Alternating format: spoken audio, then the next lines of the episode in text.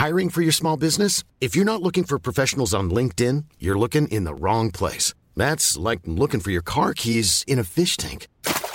LinkedIn helps you hire professionals you can't find anywhere else, even those who aren't actively searching for a new job but might be open to the perfect role. In a given month, over 70% of LinkedIn users don't even visit other leading job sites. So start looking in the right place. With LinkedIn, you can hire professionals like a professional. Post your free job on linkedin.com slash people today. Life is full of awesome what ifs, and some not so much, like unexpected medical costs. That's why United Healthcare provides Health Protector Guard fixed indemnity insurance plans to supplement your primary plan and help manage out of pocket costs. Learn more at uh1.com.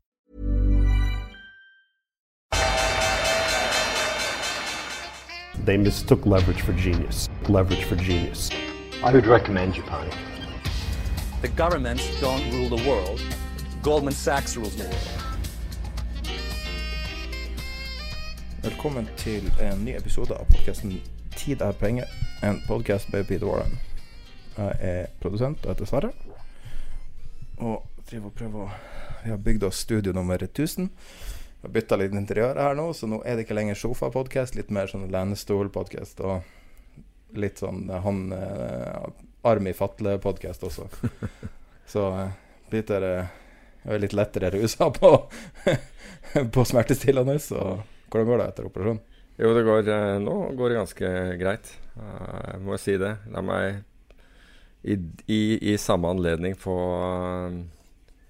uh, få, få takke norske helsevesenet for uh, uh, Og spesielt Lovisenberg sykehus på, for, å, for, for fantastisk service. Altså Ja. Det der at du bor i, i, i Norge og får Og får den hjelpen du, du trenger, og Eh, og at det er en del av det du betaler for gjennom eh, fellesskapet gjennom, skatt, er egentlig Altså når du først trenger det, er helt fantastisk. Og jeg har jo hatt gjennom årene så har jeg hatt ganske mange møter med, med helsevesenet, både akuttjenesten og, og, Ja. de andre. Og jeg må si at jeg syns det er helt fantastisk. Jeg syns det er helt utrolig. De eh, jeg var eh, på en måte De, de gjorde meg oppmerksom på at, at dette ville bli veldig smertefullt. At jeg ville ha veldig mye smerter etter, etter operasjonen. Og dette gjelder en Jeg hadde en avreven skuldermuskel, en delvis avreven skuldermuskel Det var når du var på Solli og var driting så trinte, var det da? Nei, det var, det var, nei ingen, ingen av disse her eh, Ingen av disse her har verken, verken skjedd under alkoholpåvirket tilstand eller på, på noen annen måte. Men det er, to Peroni og sånt. men, men, to, to Peroni og så gikk i sykelyset. Nei, det, alle, alle, det er jo tre forskjellige hendelser som har, eh, som har gitt disse, disse skadene i, i samme skulder. Jeg brakk den andre skulderen for, for noen år siden også. Men, eh, men eh, Og så lærer du sånne ting at at det er skulder, kne og hofte i den rekkefølge når det gjelder smerte. Sku- Skulder er det mest smertefulle å operere, deretter kommer kne, og deretter kommer hofte. Og så er det en, ting jeg, også, en ny ting jeg lærte, og du tenker jo det der at det er en fordel å være i god form. Men hvis du har da eh, Det mer muskelmasse du har, det verre er det. Fordi Hashtag snikskryt. Eh, Nei, nei men, men, men det er logikken bak det. Nei, men altså eh, det, Jeg forsøker å være i god form, men da, da kan de ikke brette muskulaturen din til side på samme måten. Og komme til da må de faktisk skjære den av. Uh, så og, og i den forbindelse så måtte man da skjære av festet. Bare mens man opererte skulderen, måtte man skjære av festet til de, et av de to festene til biceps. Det er også en interessant greie. Den kutter de da. Det, for, for, å- for å kunne komme til. Uh, men, men poenget var at jeg, jeg fikk på forhånd vite at dette her ville være smertefullt. Og, og, men, og at, men at man skulle da bli smertelindret. Altså at eh, de ville da smertelindre. Nå viste det at det er veldig høy toleranse for, eh, for, eh, for de medikamentene man bruker på det. Ja, du har tatt mye okse i ditt liv. så- Nei, jeg har, jeg har ikke det, men jeg, jeg har jo, jeg har jo Nei, det, jeg tror Hvorfor, ikke det er hvorfor har du så toler- toleranse? Nei, og det, de har tatt blodprøver for å finne det ut, rett og slett. Fordi det, noen mennesker har det. Det er veldig upraktisk. Og, ja, og nettopp og, og hvis man da finner ut at jeg er en av de, så er det andre uh, smertestillende midler som man da kan bruke isteden. Ja. Så det er derfor de tok de blodprøvene, fordi det var så enorme uh, mengder. Så, eller enorme. Er det telefonen din som driver og piper der borte? Nei, det er ikke i det hele tatt. Jeg har ikke noe. Okay. Ikke mitt. Eh, men, men poenget var i hvert fall at, uh, at de, de Altså, jeg har hørt så mange som, som sier at de har ligget på sykehus med smerter, og de klager på smerter, og så får de beskjed om at nei, du, noe, du kan ikke få noe mer før det, før det har gått fire timer til, eller et eller annet sånt. Her gjorde de akkurat som de, de lovet. Altså, de ga smertestillende. De sørget selvfølgelig for at uh, Altså, når du får smertestillende over en viss dose, over en, på, på, innen en viss tid, så er det jo fare for at du slutter å puste, rett og slett. Eller kan skje. Så da må de monitorere deg på en annen måte. Så du må få tilførsel av oksygen, blant annet, for å, for å øke, øke metningen. Men altså, de var Jeg syns de var helt fantastiske. Nei, men eh, så, så det er mulig at det kanskje blir en litt kortere podcast i dag hvis du blir sliten. Jeg vet ikke. Jeg er helt knust av uh, den fuktigheten som er i Vi tar opp denne podcasten på søndagen også, så airconditionen er ikke på i bygget. Så eh, det er litt sånn Det er litt sånn saftig, saftig atmosfære her. Vi kan jo se på uh, det største hendelsen siste uh, uka. Uh, Wirecard. Som er en av de sjeldne tingene som ble 100% avdekka av en avis. Og det her ble jo til en stor, stor, stor sak eh, med innblanda det tyske finanstilsynet. Og nå, da forrige uke, så sier de ja, 1,9 milliarder euro er borte. Som vi har bokført. Det er helt utrolig. Men altså Europas enerom. Ja, men hvis du går tilbake til den der, Altså, det tyske finanstilsynet ikke bare Altså, det tyske finanstilsynet truet med å saksøke de to Financial Times-journalistene som skrev, Det var skrev om det. falsification of accounts and money laundering som FT skrev om. Ja. Men, men det tyske finanstilsynet altså, går så aggressivt til verks at de truer med å saksøke journalistene i Mm. Financial Times, altså Bafin som de heter i, eh, i, i, i Tyskland. De truer da med å Unethical reporting. Ja. Det, det er en sånn helt Og ikke Og markedsmanipulasjon. men, ikke, ja, men også deretter så går jo da Finanstilsynet selv å manipulere markedet, for de nekter shorting av aksjen. De forbyr shorting av denne aksjen. Og nå kommer det for en dag at det, er, at det har vært ren svindel.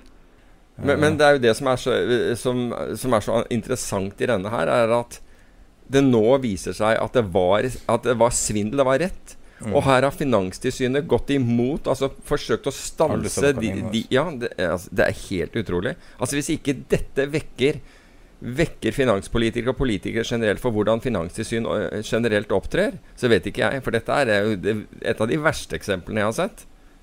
Det som er spesielt, er at de tar standpunkt i saken uten å være helt bombesikker. Du skal være faen bra sikker for å ta standpunkt i en sånn sak og si de har gjort alt riktig, dere rapporterer feil. Ja. Det er det som er spesielt, at de tør å ta standpunkt. Sånn i staten så er det veldig sjelden at folk Altså, du ser eh, Jeg kjenner folk som jobber i diverse etater. Og en ting som er Hvis du ser noen som sparker inn ei dør og går og bærer pappeske full med dokumenter og datamaskiner ut Hvis de har en sånn razzia, da vet de. Da er det ikke noe tvil. Det er ikke noe spørsmål om skyld. Da Da har de 100% bevis. Og jeg skulle tro at eh, Bafin opererer på samme måte, at de er 100% sikre før de går ut, og da og så hadde de feil. Ja, altså, Selv om det var ikke akkurat money laundering det ble tatt for, nå er det jo penger som er forsvunnet, men mens det her er snakk om 20 milliarder som er borte. Det er helt utrolig.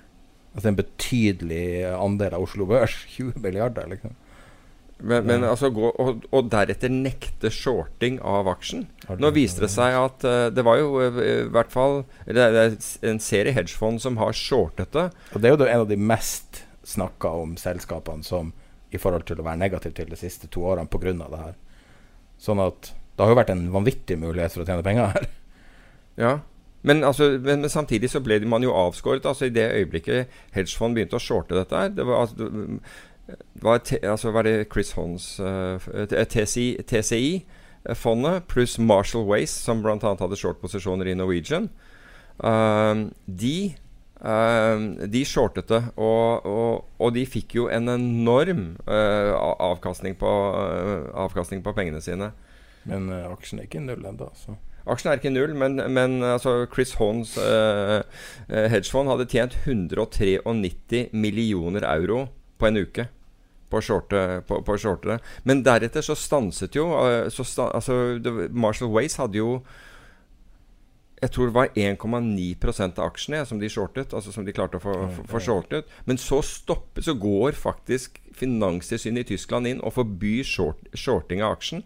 Og så har du den Men altså, hvis du skal snu det på hodet, da hvordan eh, det som jeg tror som er spesielt i den saken, er jo hva er det Financial Times har fått tilgang til? Ja. Det må jo være en innsider som har bare Altså Det er ikke sånn at en efterjournalist sitter og finner Nei, det men, men det kan jo Det er også et rent tips. Ja, men det kan, det kan jo også være en hedgefond som, som, som legger frem Det- eh, det det saken for dem. Altså og Folk sier at sier jo at Hør her, dette har vi funnet ut. Vi er, ikke sant? Og de, de discloser det. Vi er short denne her. men, det- Men, men vi mener at dette er fraud. Ikke sant? Og, og hvis da Og det er jo det de altså, Det er den eneste legitime kritikken mot shortselgere, er nettopp sånn type manipulasjon, at man går etter media. Fordi at den eneste måten du kan manipulere en Jo, en men det, det, det skjer jo hele tiden på langsiden. Det er jo man, det man Ja. gjør hver eneste dag. Så ser du det i, i de norske mediene også. At noen er ute og, forteller, og forteller hvor, hvor mye det skal gå opp, som akkurat har gått og kjøpt det. Det var en ganske bra eh, eh, Det er en, podcast, en norsk podkast som forsøker å bli til Norges versjon av eh, Joe Rogan. Eh, hva han heter han? Han jobber i P3. Um, han heter Ma Max eller et eller annet. Eh, jeg skal se om jeg kommer på det. Men uh, han We, We et eller annet. Eh, Wolfgang We. Okay. Eh, hvis du søker på det, så finner du, finner du det som en podkast. Og en av de siste gjestene var en journalist. Jeg hadde ikke hørt om han før. Og da snakka han om at uh, hvor sjokkert han var over andelen saker som var plassert. Altså Det Aha. betyr at et PR-byrå eller Ja. en tilsvarende organisasjon kommer inn og basically leverer en helt ferdig pakke til avisene. Man har jo alltid visst om det, at Mm. både FT og DN og sånn har en betydelig andel er direkte eller, eller indirekte plassert. Um, og han da sa at det var sjokkerende mengde. Mm. Altså Ut fra hans implikasjoner så var det majoriteten. Men greia er at øh, Altså Det handler jo om hvor Altså Avisene har jo et ansvar, media har et ansvar her. Og det må jo være å ettergå at de, disse tingene de får, er riktig før de rapporterer. Men min, mitt inntrykk er jo at uh, kommer det noe fra et PR-byrå, eller et eller annet sånt, så, er, så er det, står det på trykk øh, elektronisk samme dag, og så er det i avisen dagen etter. Og du ser det, altså det er jo, Det det, er jo folk som. Jo, men i det norske markedet så er det jo folk, en håndfull folk, i hvert fall, altså håndfull, det er kanskje begge hender, som systematisk utnytter, utnytter dette med å fortelle om, om, eh, om, om selskaper som de akkurat har investert i. Ja. Jeg skjønner, ikke, for, jeg skjønner ikke fortsatt ikke at de her såkalte Nå det, heter det vel ikke bjellesau lenger, fordi at Tror de fortsatt bruker det som uttrykk. etter, etter Spetalen gjorde det der eh, Hva det var det, det der eh, Han ble jo kritisert ganske mye, også av Finansavisen, for eh, det at han var så bullish, det der lagerselskapet, sånn mini, mini storage, og så dumpa alt nesten med en gang. Okay. Etter det så har jeg merka meg at de har tona litt ned, sånn nå har han kjøpt. Men det skrives jo likevel alt de gjør. Ja, det. For altså, det er jo Altså, de, de får jo gratis det er sant? Det er medvind bak hver handel, det. Fordi det er folk som hiver seg på og kjøper. Det er jo fantastisk. Hvorfor Altså, misforstå meg riktig, liksom. Hvorfor gidder de, de her type investorene, å holde på sånn og flippe liksom 100 millioner her og der? Og jeg skjønner ikke gleden med det. Du tjener Altså, penger på det ja, jeg vet, men det er jo andre ting det er jo i nesten livet. gra- Det er jo nesten gratis penger. Altså, det er jo så godt som gratis in inntekter. Ja, men tenk deg hvis du sammenligner da med grunnleggeren av Google, f.eks. Han eh, Larry Page spesielt. Som hadde, når, når han gikk på universitetet, så hadde han ei bok av ting han ville gjøre. Og det har blitt til ting som uh, Google eh, Maps og Google Street View eh, og alle de her nisjete produktene de har, der de har prøvd å samle all informasjon til verden ett sted. Mm. Det virkelig Altså, det, det, det går jo dypere enn å bare Greit, han har bokstavelig talt en jumbojet som privatfly, uh, og det er jo sikkert veldig bra. Men det som virkelig er glede i livet, altså når du kommer over en viss sum altså du kjøper et hus til 50 millioner, 100 millioner, 200 millioner eller 400 millioner Jeg har ikke forestilt meg at det er noen spesielt stor gledesforskjell i, i det. Nei, det er, det er godt mulig. Um, men, men ta faktisk selv, Bjørn Kjos, som da hadde solgt seg vesentlig ut av uh, Norwegian.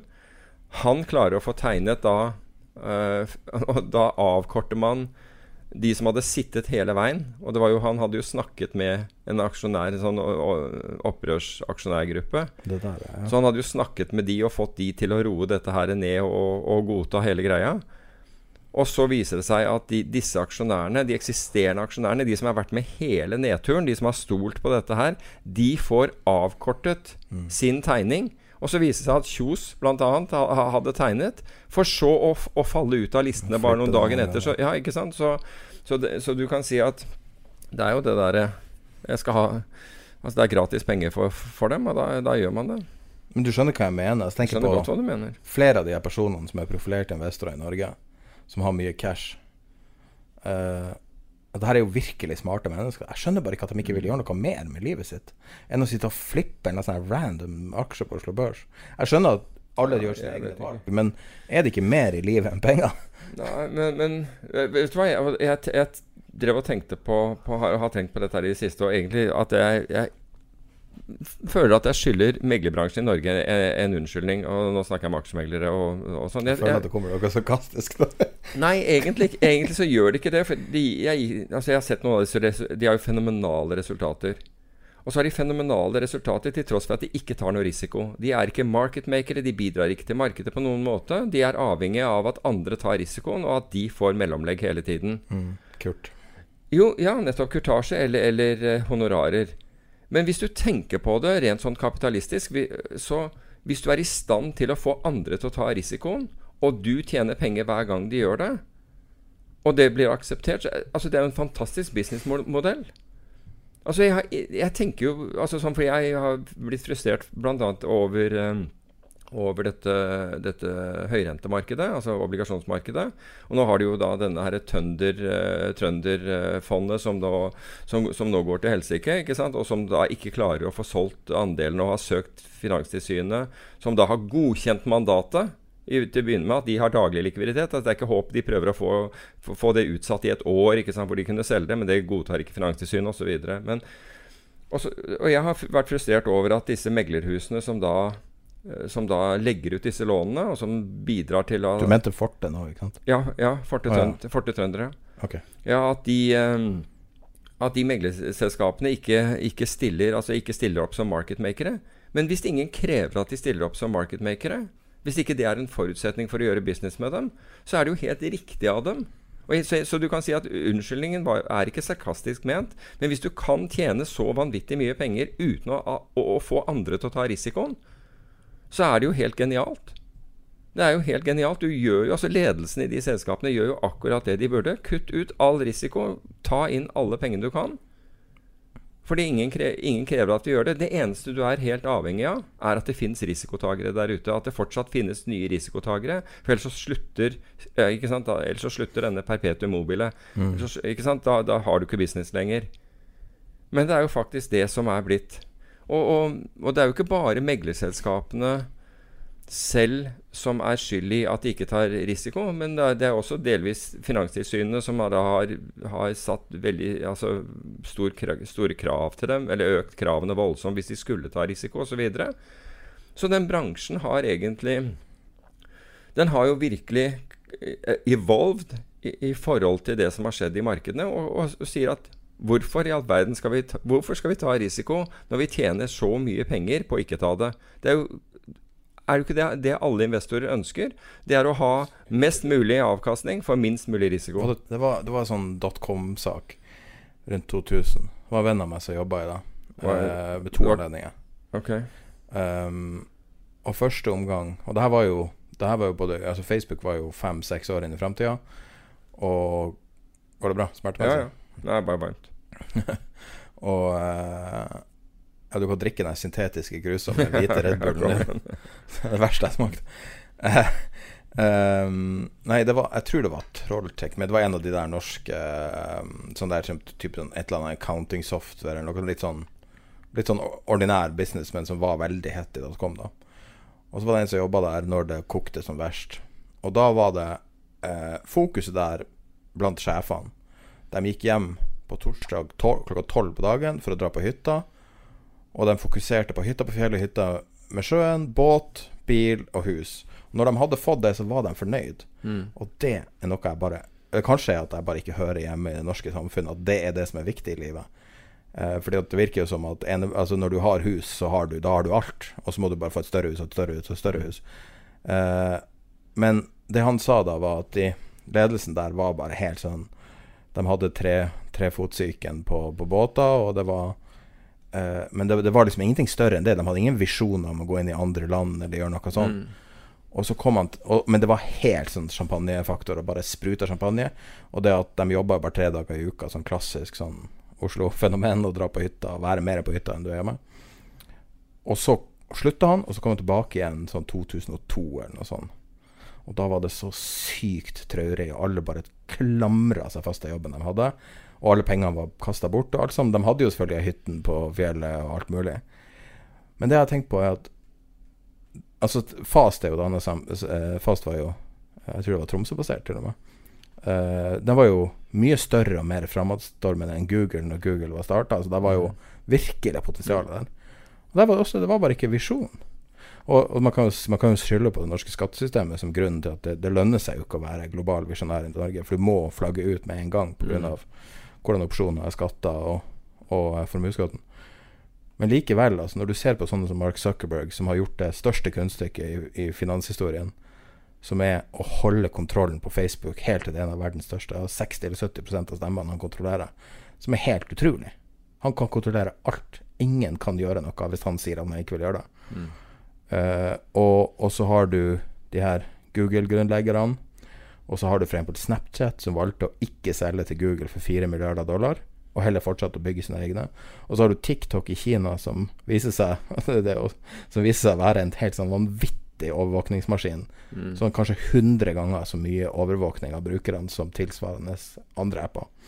Og så har du, men det visjonen er der. De er så, det er så sterk visjon bak det. De vil bli så store. De, de har liksom andre drømmer. Greit at TikTok er jo, er kanskje litt grusomme visjoner, men likevel, de har en visjon.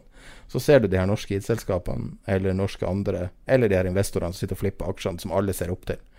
Og så bare, hva er visjonen her? Jeg ser ingen visjon, liksom. Er det bare hytta og huset? Er det that's it? Er det der det stopper? Jeg vet ikke. Det er mulig at, du, at de med de største visjonene må, må trekke ut, men det er, det er jo folk her som har Altså som har visjoner, jeg vil jo si det. Men uh, Nei, si én, da.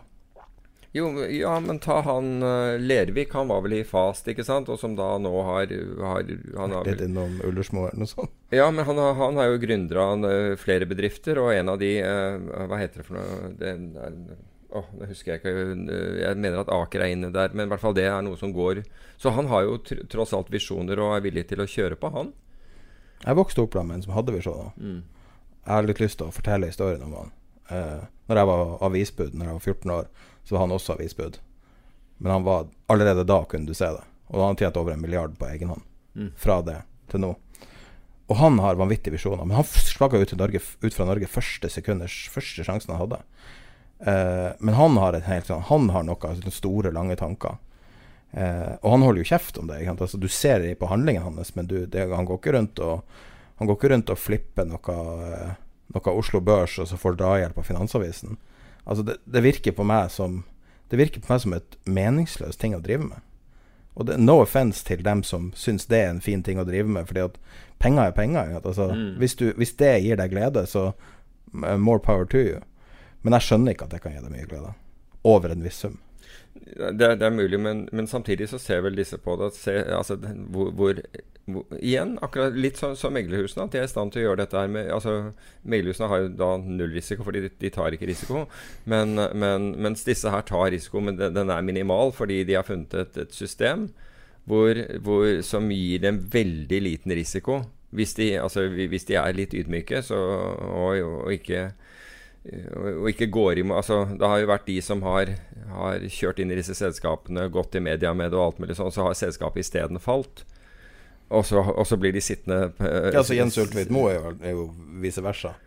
At han har jo tapt alt. Ja, men han, han er jo i hvert fall ikke en fyr som flipper. Han er jo Nei, han er visjonær. Ja, og industribygger, vil jeg jo kalle, kalle ja, ja, tidlig på grønn energi. Og, Ja, nettopp. Nettopp. Ja, nei, han står, han står jo bak det, og det er, at- the end of the day så, så det er godt mulig at han Men jeg, altså, jeg respekterer han, han bedre enn 99% av de andre. ja, det, og med helt tom pengebok og alt Ja, det er jeg helt enig i. Og, og han er jo Altså, det lille jeg har, uh, har hatt med han å gjøre, så er han også A en nice guy. Ja, altså. Um, så um, men, men jeg tror det er mange som ser det på en annen måte. At, at de alltid ser på er bankkontoen. That's it. Og, og større bankkonto, det, det mer respekt har du. Større gjeld, det mer respekt har du, liksom. Ja, ikke sant? Så uh, det mer respekt har du hos bankene, i hvert fall, med større gjeld. Ja, er det noe rart at altså, DNB og Stordalen, de har jo altså Med staten i ryggen Refinansiert alle lånene hans. Ja. Tredje bailouten. Ja, men, men igjen så, så har det vel det derre med at han sannsynligvis var så stor i DNB. Og det, dette er jo ikke 10 noe- milliarder. Ja, Det er det de har sagt. nettopp. Men, men, og dette har vi jo sett tidligere. At, at hvis du skylder, Og det er jo den derre hvis du skylder banken, ikke sant, osv. Med million, så er det ditt problem. En milliard, så er det bankens så er det bankens problem. ikke sant? Og er det 10 milliarder, så er det sentralbankens problem. sant? Så, så det er jo litt den Nei, der Er 10 milliarder nok for å knekke DNB, tror du? Nei, det tror jeg ikke. Det tror jeg ikke. Men eh, nei, nei, nei. For å knekke dem det, Jo, men det starter en kjedereaksjon, mener jeg. Det er mulig, men, men det, det tviler jeg Altså, det, det har jeg ikke noe formening om. Ikke Men det er så rart. Men jeg vil jeg, skjønner ikke det bailouten av Stordalen. Jeg forstår ikke det. Nå har han fått tre, og han satt i finans... Jeg satt og irriterte meg sånn jeg, jeg tror jeg skulle eksplodere når jeg leste den overskrifta, der han trua om å si opp 1000 mennesker hvis de kan ikke fikk mer penger. Da hadde han allerede fått først 60 millioner Når var dette nå nylig? Et par dager siden. Han, fikk 60, han får 60 millioner i måneden for eh, Choice, for å holde det i gang. Nå er det jo ganske mye trafikk, så nå må de nå ha business. Uh, og han uh, fikk åtte 8 millioner for Ving. Klagde som faen på at de ikke fikk mer, men fikk ikke mer.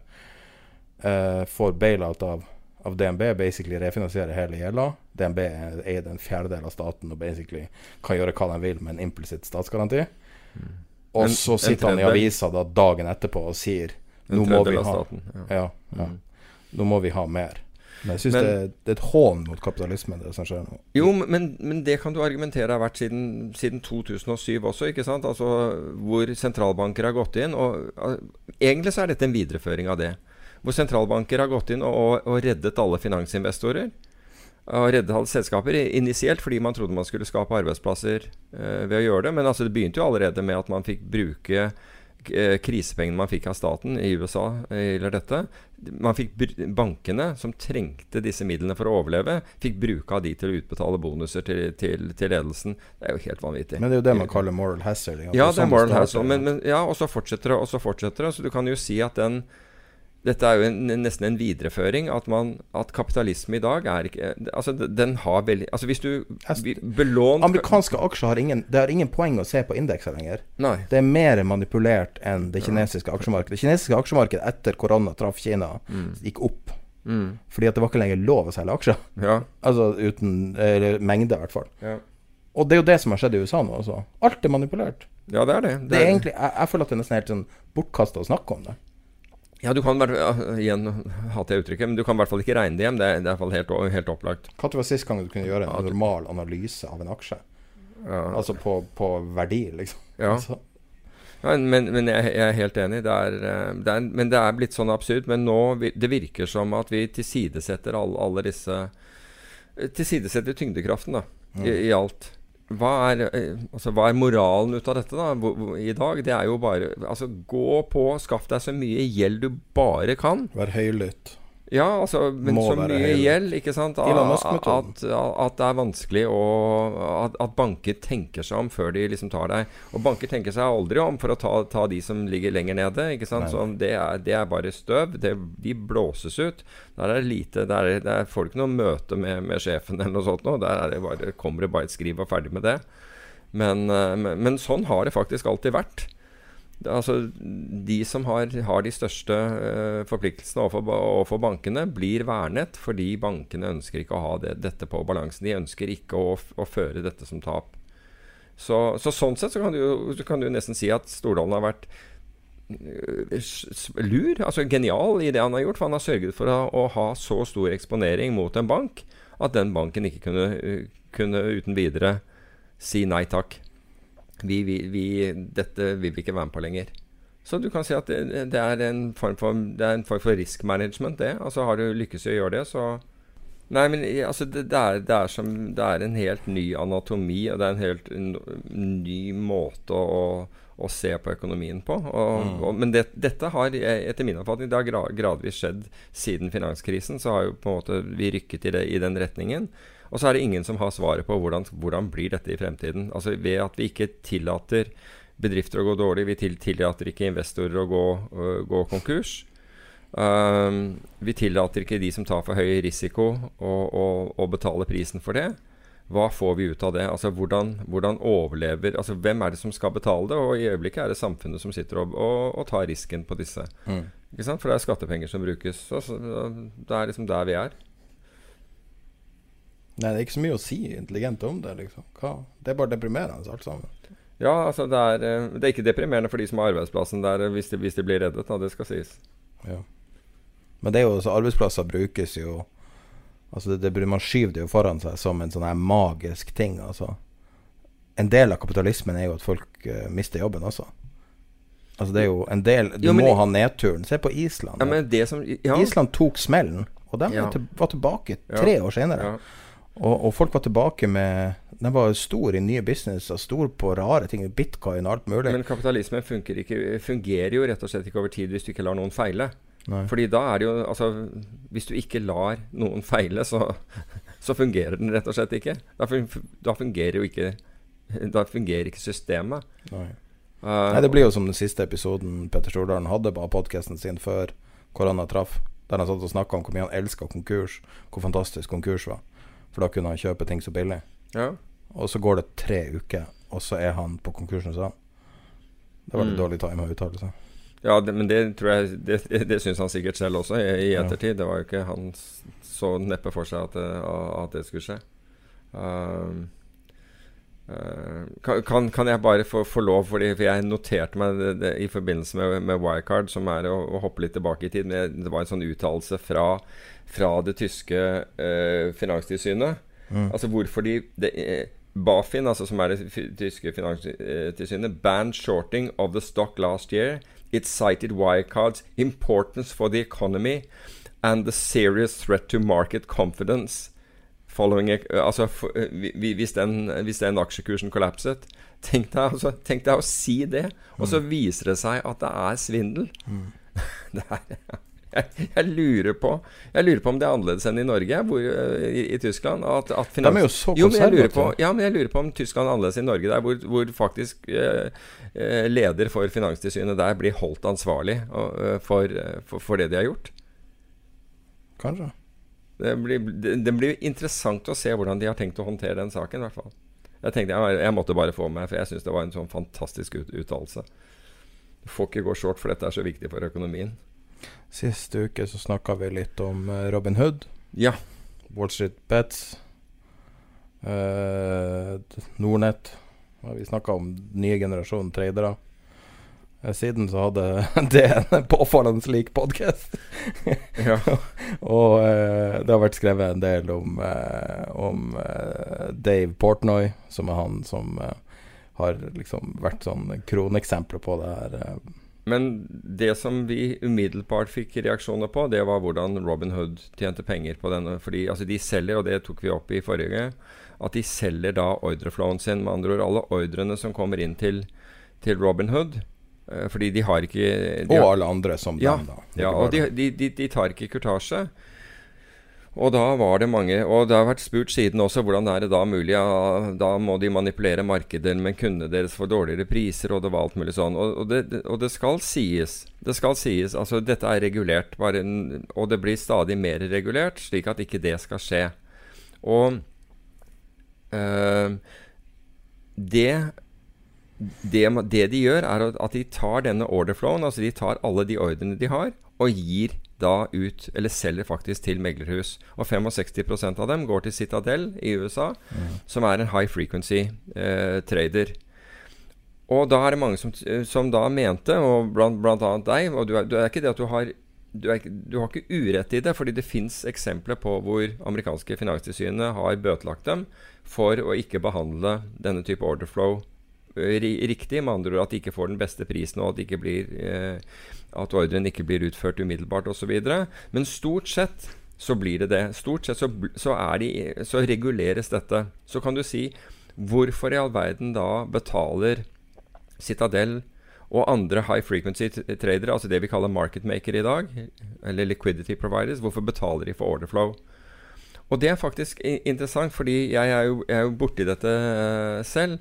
Og det du forsøker å oppnå, det er hva vi kaller benign order flow. Altså order flow som ikke er, in, som ikke er informert. Med andre ord noen, Det verste du kan ha når du stiller eh, toveis priser, det er en, en, aktør som kommer inn og vet noe. på forhånd. Han vet hvilken vei en aksje vil gå. Han vet et eller annet om det der, fordi da, den, den taper du garantert penger på. Mens de, disse er da så dyktige at hvis de får da order flow, som, som man kaller uninformed, altså uh, friendly order flow, så klarer de å tjene penger på den. Fordi de, de klarer å prise seg riktig for, i forhold til den. Selv om de utfører den. De klarer å, å analysere og lese markedet i, på, på, på, på mikro-, millisekund- og sekundnivå nok til å kunne tjene penger på det. Og måten disse high frequency-traderne um, vet om du, er, om du er friendly eller ikke, det er at de, de ser hver gang du handler med dem. Og, og da er det hver gang du uh, du, tar, altså, du er det som vi kaller regressor. Altså hvis uh, du vil være en aggressor mot meg hvis jeg, hvis jeg stilte kjøper- og selgekurs, og du da tok selgekursen min, og med andre ord du kjøper, da er du en aggressor. Hvis du la deg på kjøpersiden helt til jeg, min selger kom ned, da er du ikke det, da er du passiv, ikke sant? Men hvis du aktivt går og tar selgerkursen min, så er du en aggressor. Og det de gjør da, er at de måler dette på, på millisekundnivå etterpå. Hvis da jeg går i negativ, jeg som er marketmaker, så jeg måler deg, altså jeg går umiddelbart i minus hver gang du handler med meg, så er det statistisk usannsynlig at ikke du er informert. Du handler meg ikke, ikke sant? Du sitter ikke og handler med meg hver, hver eneste dag, eller men hver gang du handler med meg, så taper jeg penger la oss si over de neste millisekundene eller de neste timene eller hva som helst. Hvis det skjer hver eneste gang, så er, høy, så er du høyst sannsynlig uh, informert om det. Altså du har informasjon om det, det, det du gjør. Og da er, da er, du hva vi kaller toxic. Da, da, er du giftig for meg. Jeg må være veldig veldig forsiktig med å stille priser overfor deg, fordi hver gang du handler, så, så taper jeg penger på deg. Mens hvis det er sånn at, over, over, at jeg kan hedge meg Stort sett så klarer jeg å hedge meg over de neste sekundene. Altså jeg, jeg klarer liksom å, å få hvis, hvis, jeg har solgt til deg, så klarer jeg stort sett å få, få tilbake igjen uh, det jeg har solgt, over de, over, over de neste sekundene. Så er du regnet som friendly flow, og den vil jeg gjerne ha. For den er normalfordelt utfall på, mm. og, og, så har de da uh, gjennom sine algoritmer og statistiske beregninger klart å skape seg en, en, en fordel. Altså, disse, altså de, de, klarer en, en, positiv sannsynlighet til hvordan, de, hvordan dette behandles. Så, det, så, friendly order flow er veldig viktig, og alle er ute etter å få den. Mest mulig order flow. Og så, så du, du vil tilby alle gode priser. Og så analyserer du samtidig samtlige ganger de handler med deg, uh, disse prisene for å se om du er friendly, eller om du er en, en informed aktør. Og de informed aktører vil du ha så lite som mulig av, og de friendly vil du ha så, så mye som mulig av. Så for at Citadel skal kunne tjene penger uh, Altså, de, de, står i dag for 20% av volumet på New York Stock Exchange. For at de skal klare å, å håndtere the unfriendly flow, så må de også ha veldig mye friendly flow. Og alle liquidity providers, som er det samme som market maker, altså de som er forpliktet til å stille kjøper- og selgerkurser, uh, er avhengig av, av, av så stort volum som mulig. Mm. For at de skal få det. Så, så, dermed så har det en verdi for Citadel. Ikke fordi jeg har tenkt å lure folkene, men fordi de regner dette som uninformed flow. Altså de mener at når kundene til Robin Hood handler Det vil sikkert være noen av kundene til Robin Hood som kan vite noe om enkeltaksjer osv. Men stort sett så er ikke dette folk som da Eneste gangen de handler med deg, det er når du, at du taper penger. Og jeg vet jo det selv fra jeg har drevet marketmaking. Det var enkelte aktører som kom på banen mot deg. Hver gang de ringte opp og handlet på prisen din, da visste du du hadde et problem. Hvis de ikke, hvis de ikke forsøkte å, å, forhandle eller noe som helst på prisen, og du, du, stilte en pris, og de tok med en gang, og det var gjerne litt stort volum, da visste du hadde et problem. Mens andre gjorde det, tenkte ikke noe problem. Da kunne du la det være. Du trengte ikke å hedge det umiddelbart i markedet. Men det fantes enkelte. JP Morgan før de ble, ble JP Morgan Chase. De kom veldig sjelden inn i norske og svenske kroner når jeg var markedmaker i valutaopsjoner. Det var veldig sjelden vi så dem der, men når de først kom inn der, og da kjøpte et eller annet som en opsjon som varte i fem dager, og, og hadde en liten, liten sannsynlighet for å, for å ende i, i pengene, mm. da burde du sette deg opp i stolen og, og, og begynne å hedge fort. Altså. For, da, for det, da var det bare et tidsspørsmål før dette tok av. Mm. Så, så, men de flere som kommer inn, det, det, det større sjanser er det at du får et normalfordelt utfall, og at du tjener penger. Så det er hvorfor orderflow er attraktiv, og hvorfor man er villig til å betale for den. Eh, du har skrevet som tema 'State of the Market', uh, som et ja. oppfølger til det her, da. Uh, og det var jo litt sånn oppfølger av grunnen til at det her ble tatt opp sist uke, som var Eller uken før. Ja, to uker. Ja. Uh, der jeg bare la fram min opplevelse av, av de her nye markedsaktørene, da. Primært unge mennesker som bruker helt nye kommunikasjonsmidler. Helt nye måter å velge ut investerings, uh, investeringsobjekter, og også en helt sinnssyk risikovilje. Så du, altså Det har jo stått mye i media etter vi tok det opp også. Det var jo påfallende mange som tok opp mer eller mindre samme tema. Uh, men da liksom De folkene som kommer inn fra Robin Hood, som er altså helt ned i tiårsalderen angivelig, Uh, veldig, men 18, 19, 20, liksom. Men, men, jeg har liksom notert meg at altså DN har, har, har, hatt tre grupper som de har, som de har liksom valgt å anførselstegn skylde på.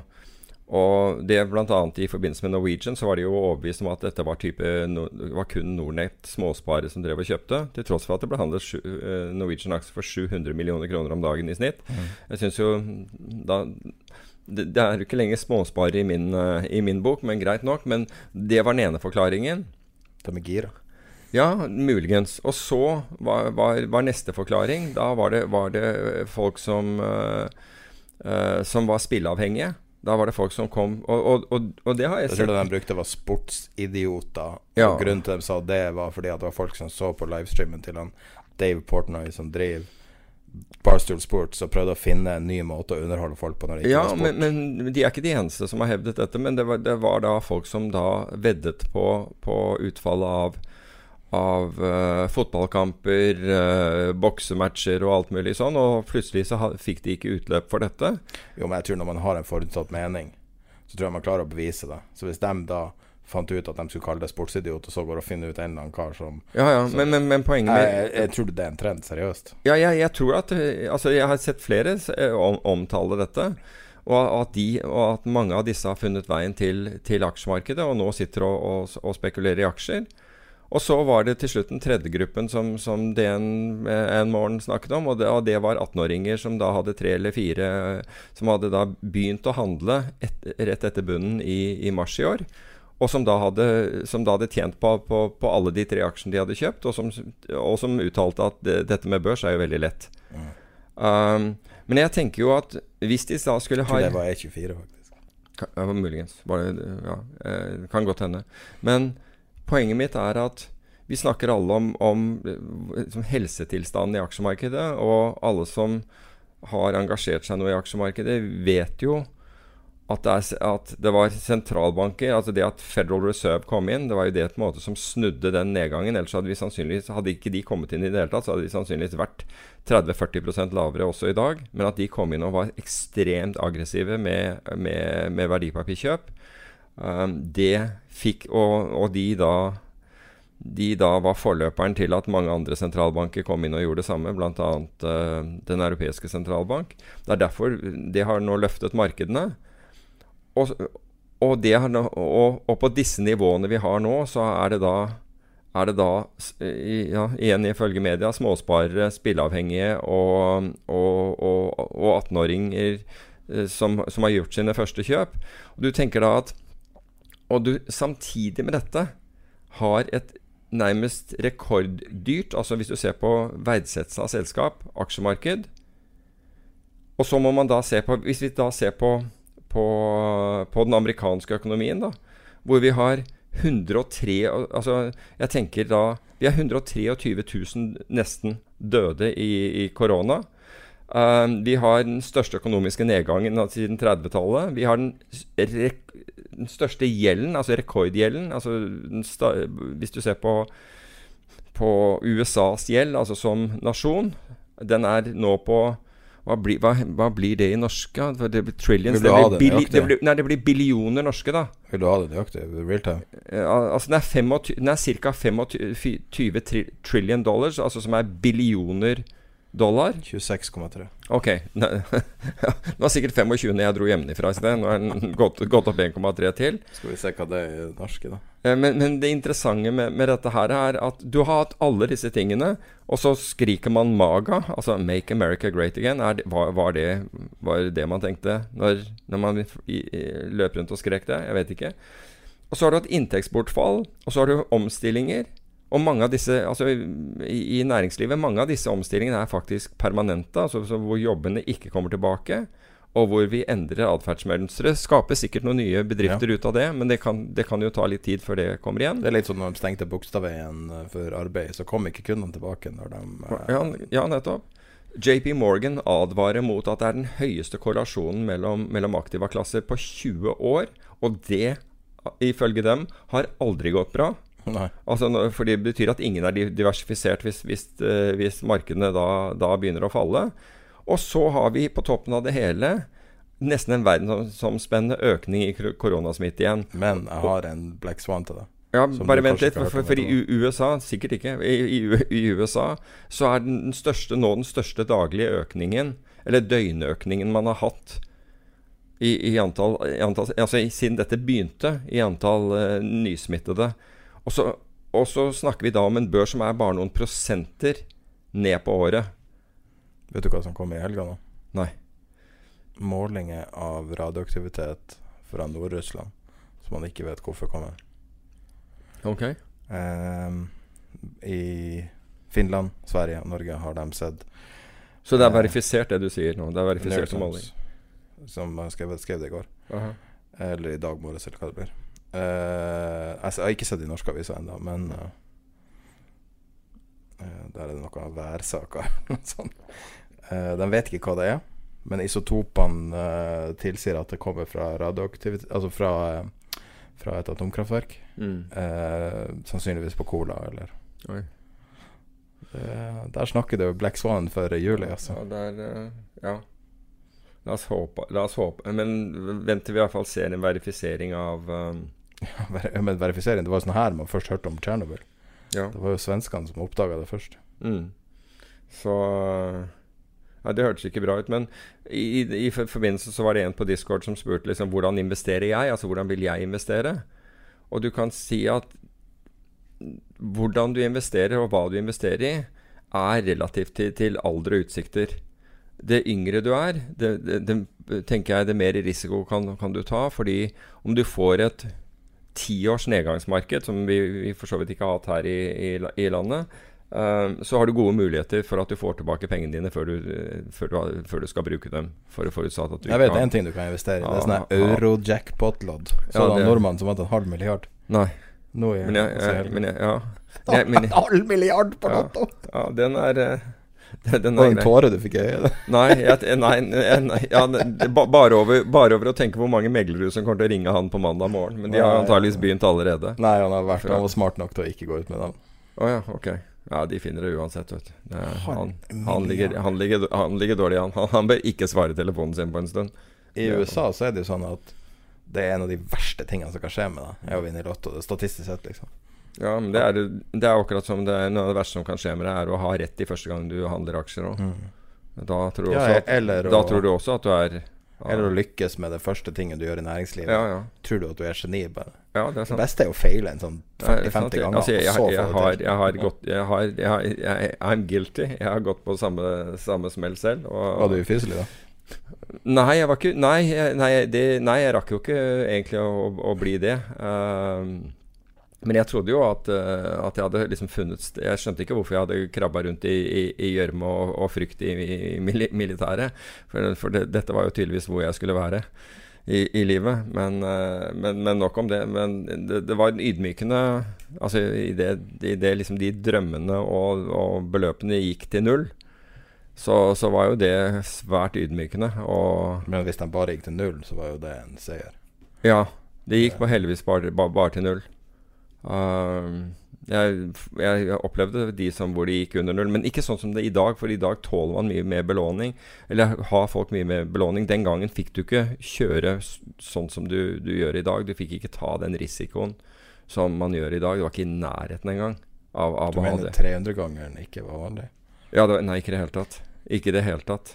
Eh, så 300-gangeren på indeks, da ja, da, da, da, har du, da har du et friskt friskt produkt. Den leder oss nesten over i, den andre, i, i, det T-Vix-temaet. Men, eh, men, men bare tilbake til det der. Det var en som som spør meg. Og det er klart at når det er så stor gap som det er i dag mellom verdsettelser og den økonomiske realiteten, så, så må jeg ta, eh, ta hensyn til det. Så, så mine investeringer altså, kan ikke være utelukkende avhengig av at aksjemarkedet skal stige forever. Det går ikke, ikke sant? For hvis du da skulle få en ordentlig korreksjon i markedet hvor sentralbankene ikke klarer å rette det opp, og du, og du la oss si at du er nede i ti år, da, så, så, kan, så har jeg et eller annet sannsynligvis får jeg ingen glede av det.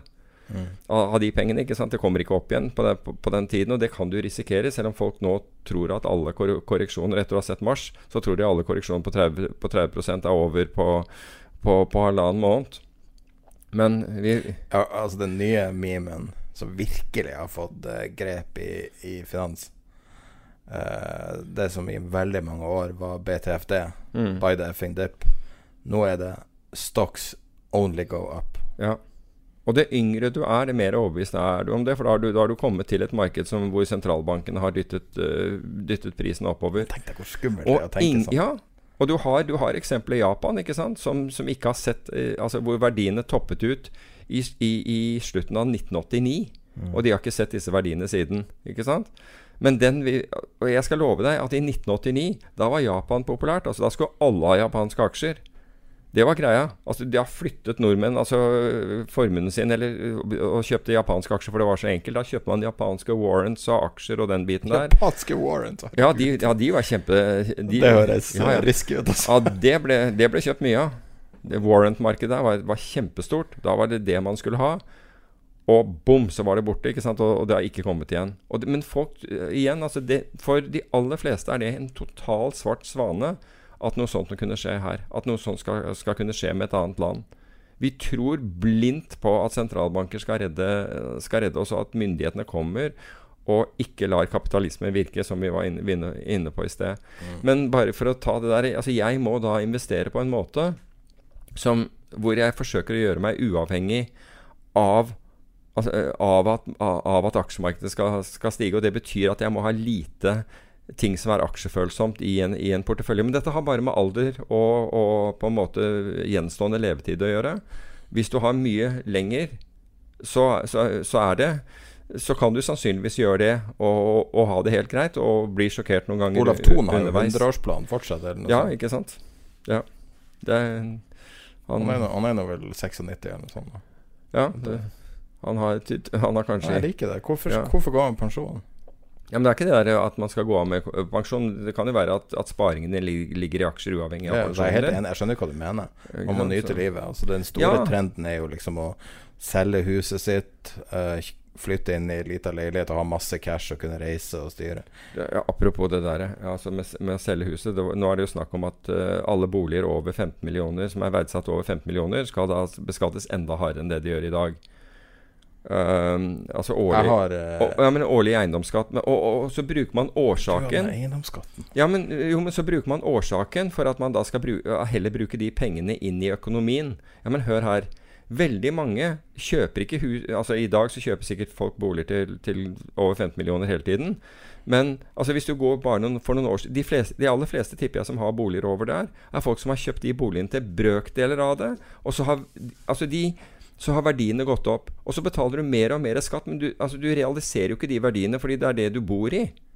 Og så har du mindre og mindre å rutte med. altså Mer og mer av pensjonen din går til å betale formuesskatt og eiendomsskatt. Men du får jo ikke det altså Det er jo ikke verdier Så til slutt så kan du ikke, kan du ikke leve. Du kan ikke fortsette å bo der du hadde tenkt å være, ha, ha alderdommen din. Fordi det er for dyrt.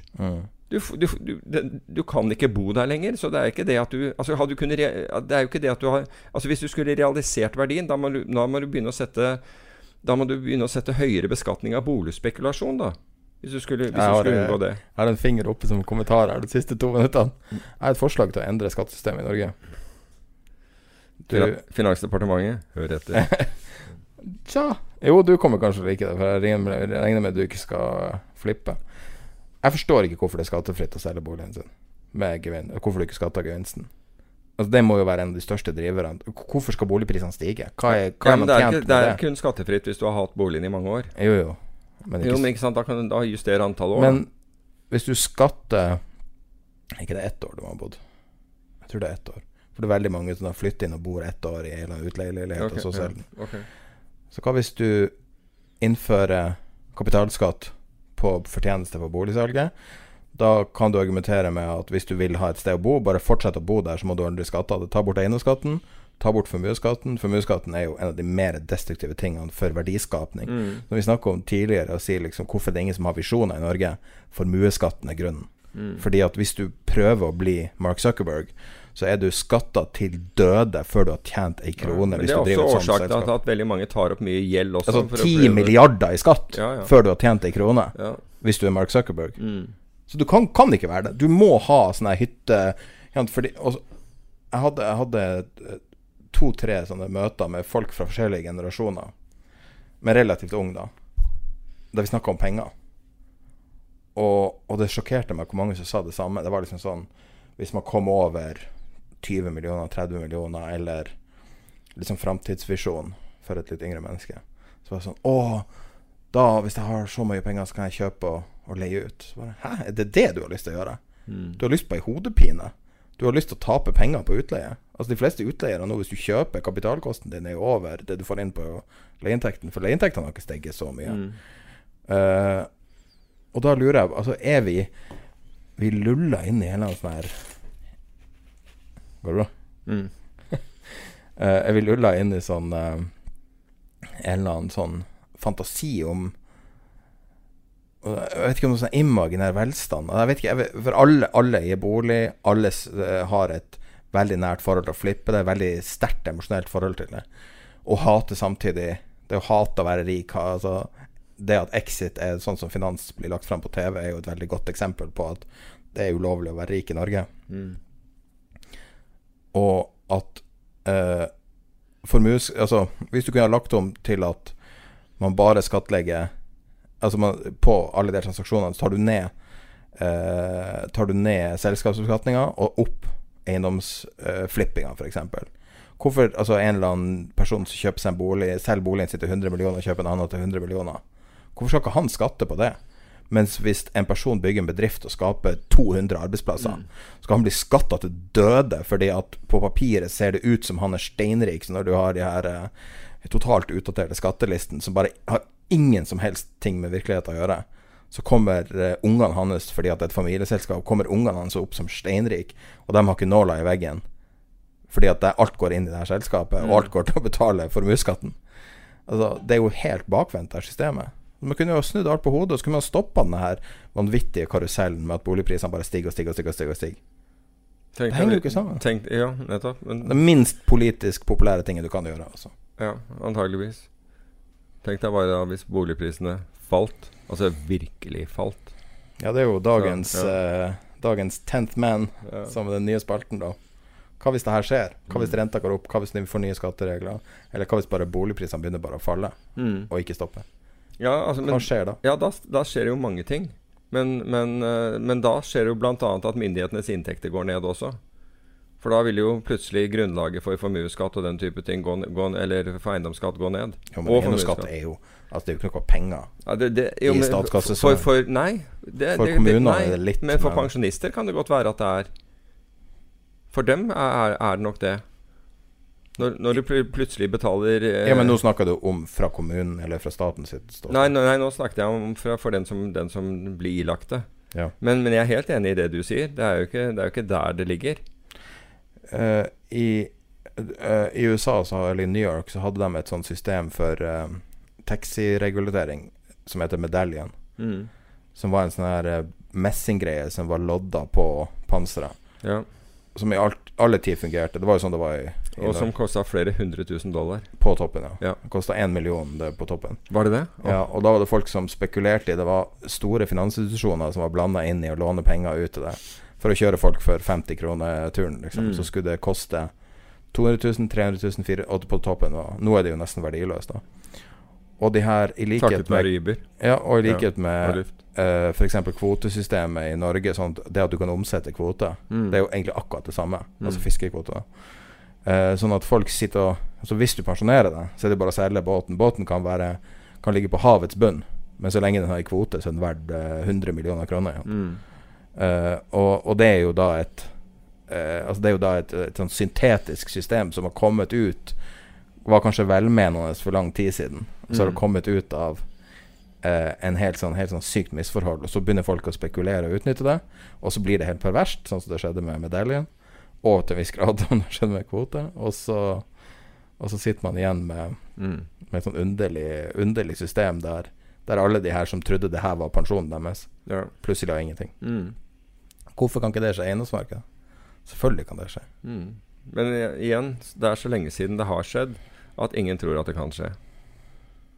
Og, og, og det er litt av den biten. Og så begynner man å regne på det, og så regner man på tilflytningen til, til Oslo og, og bygging av nye boliger og den biten der. Så Så du nye prosjektet til Bård Schumann? Nei. Uh, han skulle noe Det var litt sånn vagt hva det var, men hooken var da at du kan, du kan selge boligen på to dagers varsel. Oh, wow. Og måten han gjør det, er at han kjøper den. Tenk deg hvis ting går feil vei, og du har sånne dealer. Ja. At du sitter og brenner inne. Det har jo du opplevd, å brenne inne med store mengder eiendom. ja. Eller i hvert fall for, for meg, da. En, en bygård. Ja. Ja. Og jeg bare ser for, Når man begynner å se folk som er så langt ut på i periferien i Mm. si, verdiskapning, eller hva man skal kalle det, i eiendom, at du må liksom ha sånne type dealer.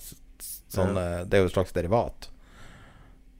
Da, Ja. da vet du at du er nær toppen, altså. Men, men, men så, samtidig så ser du jo at de som har blitt styrtrike i dette landet, de fleste av dem har gjort det, har jo blitt det i eiendom. Ja. Det er langt flere som har blitt det i eiendom enn det har blitt i aksjemarkedet. Det er helt klart.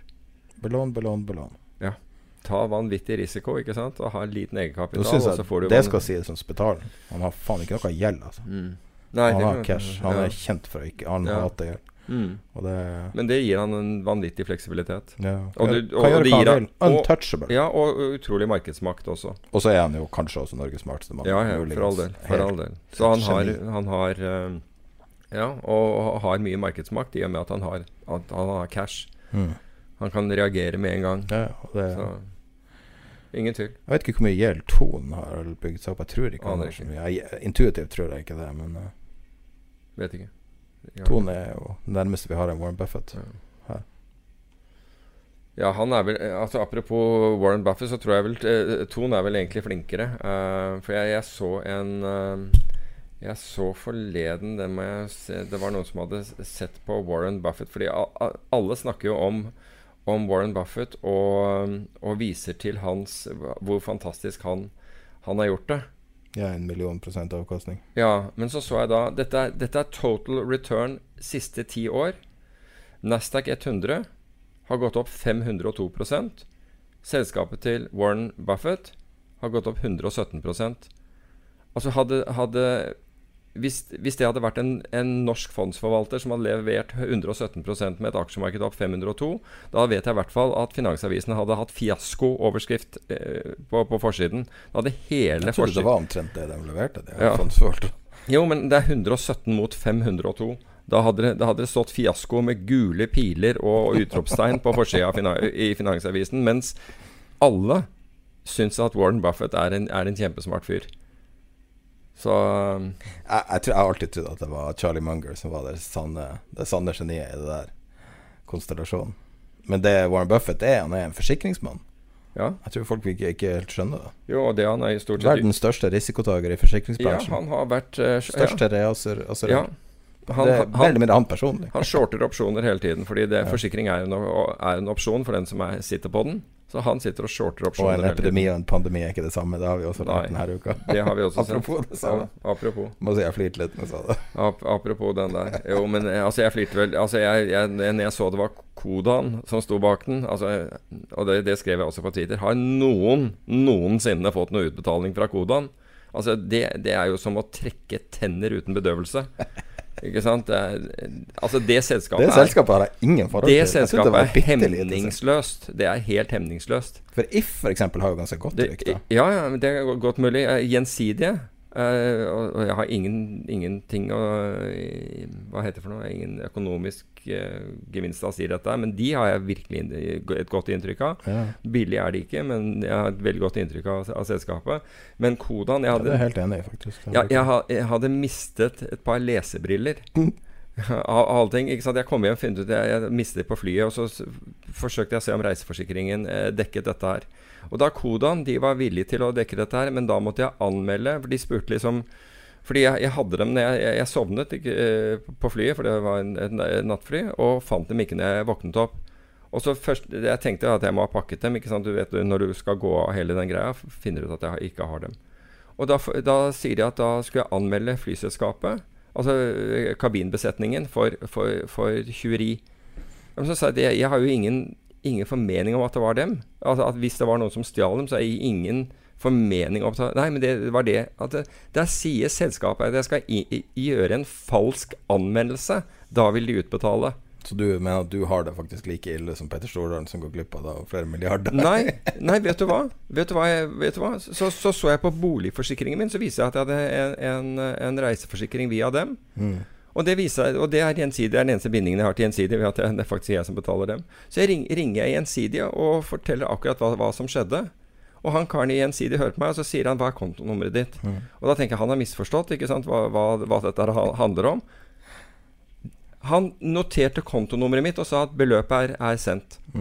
Det var, det, var, Nei, det det, var sånn. hele diskusjonen. Men både If og Gjensidig er litt sånn. Ja. Altså.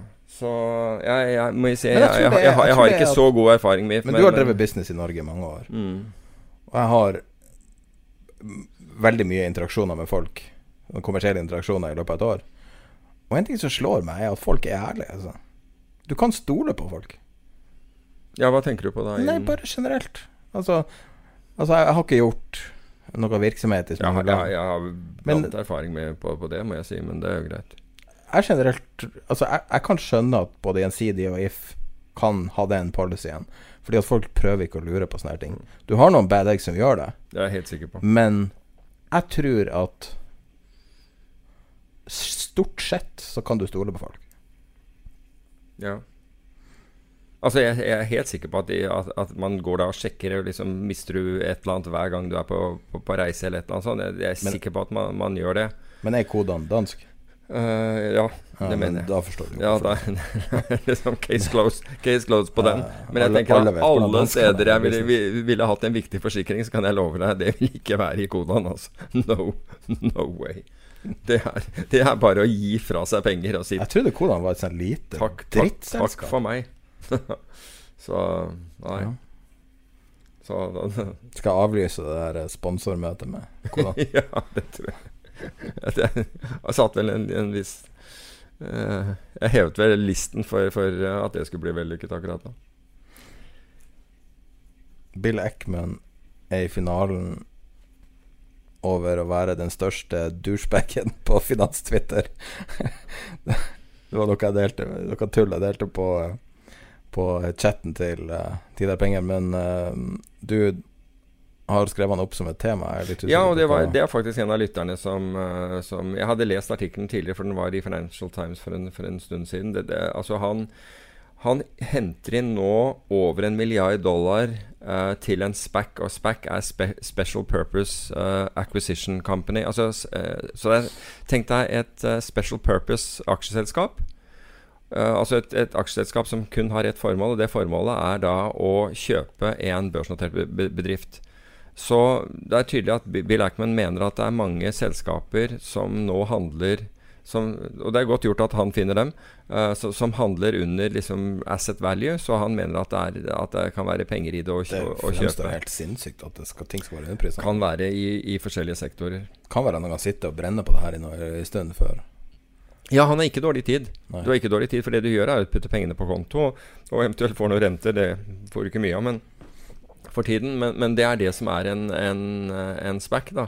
Men jeg tenkte jo altså Jeg må jo si at når jeg så den ideen fra Bill Ackman Det første jeg gjorde, var jo liksom å smile godt av den, fordi hans selskap, altså hans eget fond, den børsnoterte delen av fondet hans, handler til 30% eller 29,1 eller annet sånn, rabatt i forhold til, til, eh, til eh, verdiene i fondet.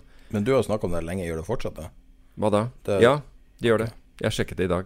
Så jeg- er current på den, for å si det på den måten. Men Så, det betyr jo at den har jo ikke, den har jo ikke gjenta seg ennå. nei, den har ikke hentet Altså, s- eh, aksjen er jo opp eh, nesten 30 i år, men det er altså Den ville, skulle ville vært opp nesten 60 hvis, hvis, hvis du hadde tatt igjen eh, rabatten i, i selskapet. Um, så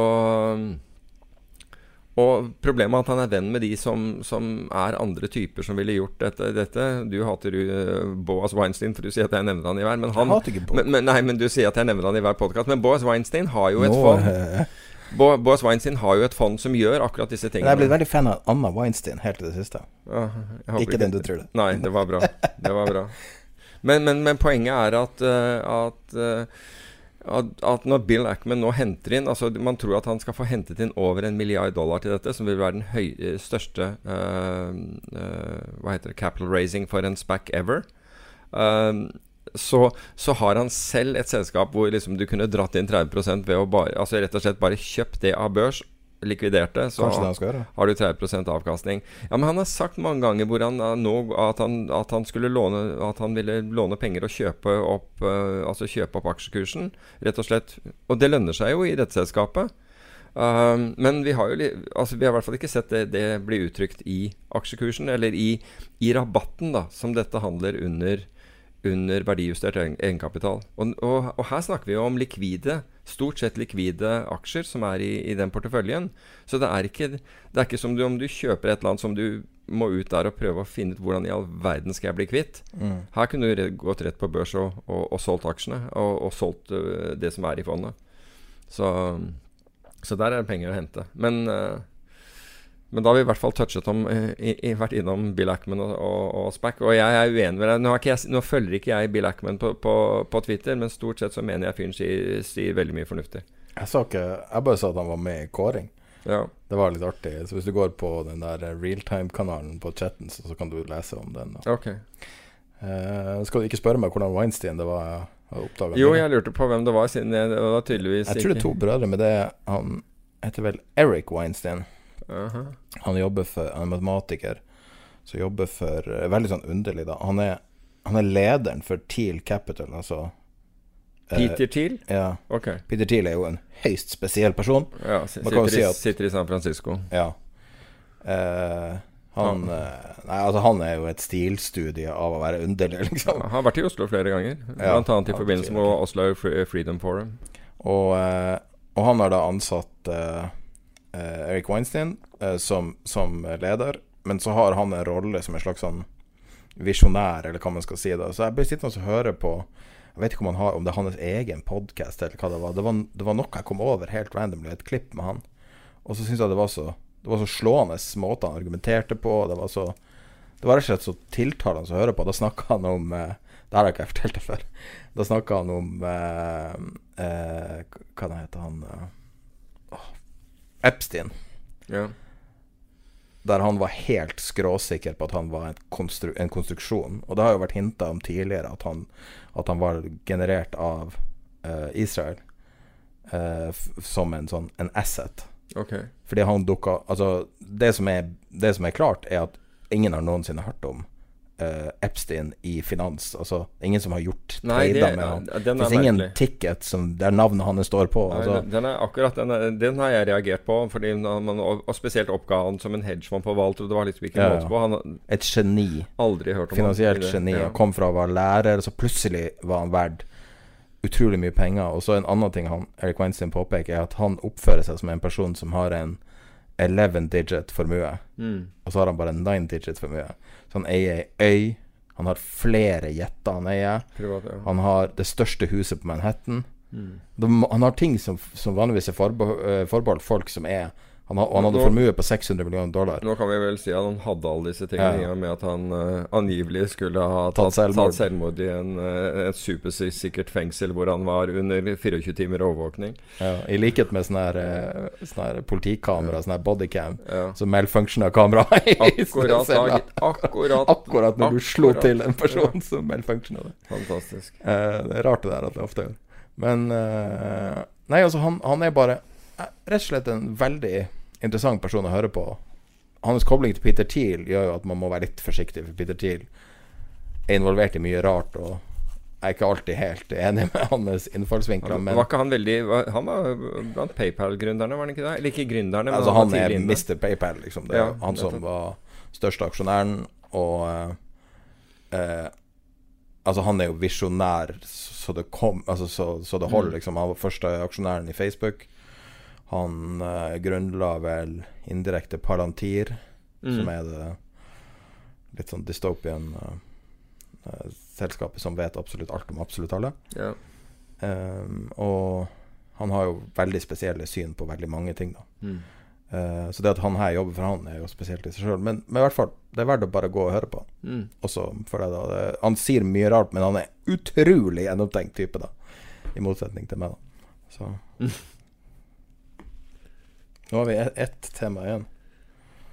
Og det er at Credit Suisse eh, nå går ut av eh, Jeg vet ikke om det er ETN-businessen, eller om det er hele Jo, jeg tror, jeg tror det er ETN-businessen de går ut av, men de, de legger da ned Altså Credit Suisse hadde jo den XIV, den, eh, den volatilitets... eh, ETN, eller var det en ETN? Jeg er ikke sikker på om det ja, var nok en ETN, det også. Ja. Som imploderte da i hvor, Er det to år siden? Et, et år siden, i mars, var det ikke? var det det? Er det så nære, eller var det Ok, er ett eller to år siden da så imploderte den. Uh, og nå er det en annen uh, en, en annen volatilitets-ETN.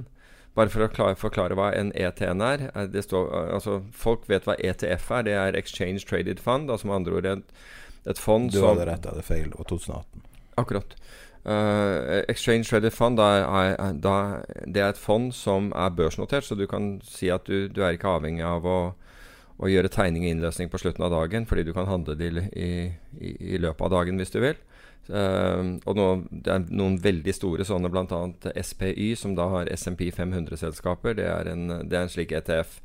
Og så har du da ETN. Og en ETN er noe annet, men vi har veldig mange ETN-er som fyker rundt i det, i det norske markedet, som er listet på Oslo Børs via, via bl.a. jeg tror Nordnett og, og andre.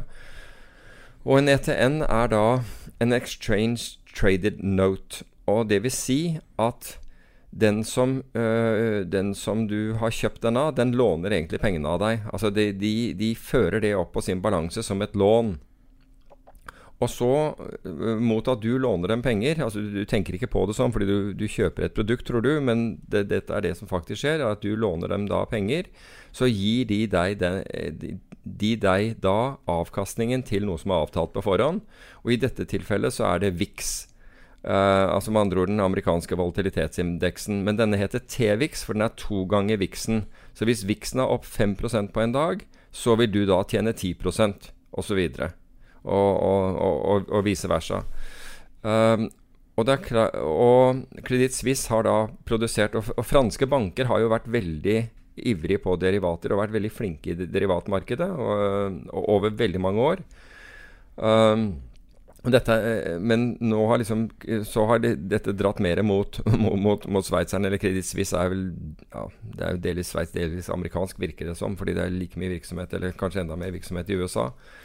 Men Credit Suisse har da denne T-Vixen, som de da eh, lover at du skal få avkastningen på. Og det som skjedde med, med T-Vixen, er at det har vært en vanvittig utvikling på den i år. Fordi de som husker da det som skjedde i mars, hvor VIX-indeksen gikk til 90 så det, så det som skjedde her, var jo da at verdien Altså denne, da, da, de, eh, da de utstedte denne T-Vixen, og folk fikk anledning til å kjøpe den, så tror jeg det ble for, tegnet for ca. en milliard dollar. Men pga. den vanvittige kursbevegelsen Altså på én måned så stiger den 900 uh, Det gjør at denne T-Vixen går fra 1 milliard til over 8 milliarder dollar i verdi. Og det utgjør nærmere 50% av egenkapitalen. Altså, unnskyld, marketkapitaliseringen til Credit Suisse. Så altså den Er ikke Credit Suisse større enn det? Nei. Jeg, jeg, jeg, tenkte også det. Men altså, så, så, du kan si at plutselig har de dette på balansen, og, du, og de og det som er da, i og med at de har lånt pengene av deg, så må de da hedge denne og en ETN, det er ikke som en ETF. Altså, øh, Kreditt Suisse velger selv om de vil hedge, og hvordan de hedger denne. Avkastningen du skal få, er to ganger viksen. Men Kreditt Suisse kan, altså hvis den går opp en dag, så kan de tenke seg at nei, den kommer da ned dagen etter, så vi gidder ikke å hedge. Vi, vi, vi, mm. ligger, vi ligger, på været her. Um, men hvis de ikke gjør det, så tar de jo selvfølgelig risikoen på den. Og de kan bruke mange typer eksotiske instrumenter som volatilitetsswapper, variance-swapper, de kan bruke opsjoner, og de kan alt mulig. Men denne her har stått for så stor andel av VIX Future-kontraktene at da det ble kjent at, uh, at uh, de nå legger ned den, altså delister den fra, fra, fra børsen, så tok Goldman Sachs og nedgraderte børsen, for CBOE er jo børsnotert. Så de hadde nedgraderte kredittkvaliteten fordi de mener at dette vil gå utover så mye utover inntektene til børsen. Så så store var de. Men, men tenk deg at, at, at prøv Det er jo 50 andre VIX-relaterte produkter. Ja, UBS har mange av dem, men, men denne her er togangeren. Så, så du kan si at denne her Altså, du kan jo bare tenke deg hvilke svingninger dette ble på balansen til Kreditt Suisse i mars i år. Jeg er overraska over at de må bruke balansen for det. Ja, fordi, men det er fordi det er en ETN. Hadde det vært et annet produkt, hadde det vært en ETF eller en ETP, så hadde du kanskje ikke behøvd å bruke balansen. Men ETN, så er det jo rett og slett et innlån for Det er jo en enorm risk. Det lærte de jo av eh, XIV, selvfølgelig. Ja, tydeligvis ikke. Fordi de beholdt jo T-Vixen, ikke sant. Og nå smalt det med den også. Ja. Så nå har de da funnet ut, og det er sikkert pga. de vanvittige svingningene Altså, poenget var at eh, amerikanske myndigheter jeg vet ikke hvordan det var i Europa, men amerikanske myndigheter målte jo bankenes soliditet hver eneste uke under, under urolighetene i covid. Altså når det var, og det gjør de sikkert for, fortsatt. Og, og, der har man jo kapitaldekningskrav, så du kan jo tenke deg hvilke kapital... Hvis, hvis de rapporterte dette, mm. Altså rapporterte sin Og ikke hedget dette. Altså, de, de, må kjøpe flere og flere futures etter hvert som det stiger. Og de må selge flere og flere futures eh, etter hvert som det faller. Det vi kaller short gamma. De, de ligger på liksom motsatt side av da, det kundene gjør. Uh, så denne, denne, har hatt en, egentlig en helt utrolig utvikling. For det var jo en periode hvor de ikke utstedte nye, uh, nye aksjer på, på T-Vixen. Og det som skjedde da, var at pre, da begynte den å handle til en premie over viksen på nesten togangeren. Altså Folk var så gærne etter å kjøpe dette her at de brød seg ikke om Det er litt som aksjemarkedet i dag. Ingen bryr seg om verdsettelse. Og så de, så forstår, eh, forstår at de må begynne å utstede, altså utstede flere aksjer. Og idet de gjør det altså de, The Smart Money shortet da disse, disse, kontraktene og kjøpte det tilbake ikke sant, og tegnet seg for nye. Men den kollapset da fra to ganger ned til én. Altså på, på, på, på bare det. Så denne her har hatt enorme svingninger. Det er litt fint å se at den innebygde giringa kan virke litt galt på utstederen også. For innebygd giring er jo en av de mest destruktive tingene med ETF-er. Ja. ETF-er for hele gruppa, liksom. Ja, i hvert fall denne type giring. ikke sant? Eh, men ja, generelt så er det jo det. Rebalanseringa er jo det som Ja, men det, det, gjør jo at de stort sett går i Altså, de ender jo i null.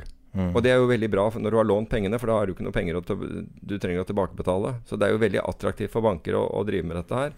Credit har jo blitt kobla mot Softbank ganske denne uka, så det kan jo være litt pga. det at de eh, føler presset. Ja, men jeg, jeg tenker At de må skrive ned store verdier der på et eller annet. Altså Jeg tenker jo at de har fått en uh, at, at, etter den Potensiell krise jo, som et, er under ja, overflata? Ja, etter den XIV-en så, så, besluttet man uh, tydeligvis å, å få de, Blant annet har de to ganger Natgas, både long og short. Mm. Du vet jo hvor volatil Natgas er. Den er jo helt sinnssykt volatil. Altså na, naturgass. Um, så, så, jeg tenker jo at på, på styrenivå har de jo da sett de daglige svingningene Altså Jeg vil jo tro at i, under krisen så, så nå, nå vet jeg ikke kommunikasjonslinjene om de var raske nok der, men jeg vil jo tro at styret ba om å få daglig uh, oppdatering på hvordan Altså Et bankstyre, hvor, eh, for de er jo veldig på enkeltsaker. I, kanskje an, i, Hvis du sammenligner med andre typer styrer, så er de jo veldig på. Altså de eh, styrebehandler jo en hel del utlån, og, hvis det er ting i størrelsesorden. Eh, jeg lurer på hvor, om det er nesten sånn at de jobber i Credit Suisse. De sitter der hele dagen og, på, i sånne perioder. Ja, altså I sånne perioder så vil jeg tro at styret er ekstremt på. Ja. Og du kan, se, du kan da tenke deg at styret får da rapporter, og de er jo ikke eksperter på disse på VIX-derivater, de, men de ser PNL-rapporten og eksponeringen der, og du begynner å se at, at denne her at, at den har en liability eh, En eh, Hva heter det på norsk?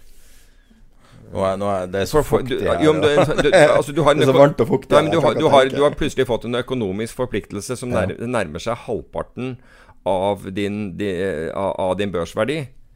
Det er klart at Da må jo noen av disse styremedlemmene ha sagt det, dette her er for guds skyld. ikke sant? Også, men så faller det jo da tilbake. Vi vet jo ikke hvor mye de hadde hedget. Men nå, og jeg tror det er neste fredag, er siste dagen hvor den er børsnotert. Og nå er jo da spekulasjonen om hva betyr det altså, den, har da, den gikk fra 1 milliard dollar til nesten 8,5 milliard dollar, og nå er på 1,4 milliarder dollar eller noe sånt nå. Men hvis det er noen som skal Hvis nå kundene velger å si 'takk for meg' på fredag, for jeg tør ikke å sitte og, etter børsnotering, for da vet jeg aldri hva jeg får tilbake, eller over lang tid får jeg null, um, så kan du jo tenke seg at det får et ordentlig press på Ja, opsjonsvolatiliteten. Ja. Ordentlig press nedover på opsjonsvolatiliteten når man skal ut av, eh, av alle disse kontraktene. Få negativ VIX. Ja, for, ja, Negativ 37. Ja, negativ 37-63. Um, Men uh, så, så det er den greia rundt den. Og jeg har sett flere um, kommentere dette og, og spurt hva i all verden var det som skjedde med denne eh, på, på, på den chatkanalen vår. Og så har noen tatt kontakt med meg direkte og sagt kan dere ikke være så snill å snakke om den, og hva i all verden det var som skjedde, og hvorfor det skjer. Ja. Så dette er egentlig hvorfor det Altså i, I utgangspunktet er dette noe som bankene de trodde de skulle tjene masse penger på. Og, og Jeg trodde de tjente masse penger. ja, og det, de gjør det jo. Altså Hvis du ikke har kraftige utslag. Men når du får den type kraftige utslag som vi da så med XIV-en og, og volatilitet, altså det, volatiliteten da i 20, begynnelsen av 2018, og volatiliteten på nytt igjen, som vi så nå, som er enda kraftigere, da, da Og, og da, da får Altså på et giret produkt så får det enorme utfordringer for den utstederen i form av hvordan de skal hedge dette. Hvis de ikke har hedget dette én til én, og det har de da For å si det på den måten, hadde de gjort det, så hadde, så hadde, de, ikke, hadde de ikke lagt den ned. Skulle ha likt å visst eh, hvorfor akkurat Credit Suisse er så innblanda i det her. Det er litt sånn Litt sånn out of character. Jeg ville ha gjetta at, Ja, at, det- dette- at det her er type Kanskje ikke Goldman, men at det, altså det er JP Morgan Chase, liksom. At de ville være store på det. Eller en eller annen ting du aldri har Men hørt om. Barclays er jo det, men, men de, i mindre grad på de belånte ETF-ene. Så, så disse belånte, eller ET ETN-ene som Ja, så dette er- Commerzbank, det er mer in character for ja, dem. ja, veldig. Men de gjør det jo for småsparere. Ikke sant? Altså, ha- Dette er et produkt altså, s- Commerzbank er bare ute etter småsparere. Så der er det mye større marginer, mye større avstand mellom kjøper- og selgerkurser, og, ikke sant? og er et mye dårligere produkt. Eh, mens, uh, mens Tilgjengelig i Norge. I vi. Ja, men, men, mens, eh, mens, mens Tvix ble også brukt av, av profesjonelle aktører. Wow, det for, for å skaffe veldig, altså. Ja, for å skaffe seg ikke sant, Med en, et tastetrykk så har du liksom volatilitetseksponering. Hvis du ikke da hadde For husk på at det er mange fond som ikke kan bruke futures. Ja, på grunn av eh, altså Ja, fordi de, de har rett og slett ikke anledning til å bruke Setupet deres er jeg ikke lagt til rette for det. Ja, helt riktig. Altså, Jeg vet at veldig mange banker har sånne spesielle avtaler. At de f.eks. Um, at de ikke kan ha noe produkter. Altså Det her er jo helt uventa. De kan ikke ha noe eh, kompliserte finansielle produkter. Så Det er basically long only når de har skal kunne gi råd til kundene sine. Uh -huh. Veldig at, at det er Det er litt sånn uventa at de ikke kan f.eks. ha opsjoner. De kan ikke forsikre porteføljene sine. De, de har rett og slett ikke Avtalen gir ikke rom for det. Da. Jeg vet ikke akkurat hvordan de, eh, hvordan de legger opp til det. Altså hvordan avtalen er strukturert. Men, og det de bruker da, er nettopp sånne her produkter. Ja. Store private eh, investorer som eh, spekulerer på relativt lav kvalitet ja. ETF-er. Og det, og det man veldig ofte glemmer i dette, er og nå, ja, du kan si at det, det, har, i hvert fall ikke vært et problem med Credit Suisse, det det er jo at du da har altså din, din eh, at du har kredittrisiko. Altså Når du har kjøpt disse, så har du da kredittrisiko. Det er ikke, det er ikke et clearinghus på den andre siden. Det er Nei. Og det er jo mange som har denne type produkter mot langt svakere økonomiske finansielle enheter enn Credit for å si det på den måten. Basert på det at de er eksponert bare i det hele tatt, om, om indirekte mot Softbank og, og alt det Mm. der styret med de ETF-ene, så tror jeg det må være noe under overflata i Credit som vi ikke ser. Det er mulig. Men apropos, eh, apropos du snakket om Commerzbank-produktene, altså, og det så du i mars.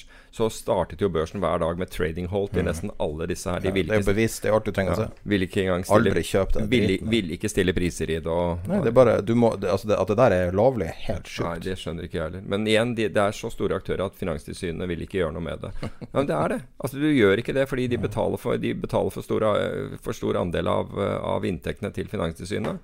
Så de er på en måte De, de får fritt leide alltid.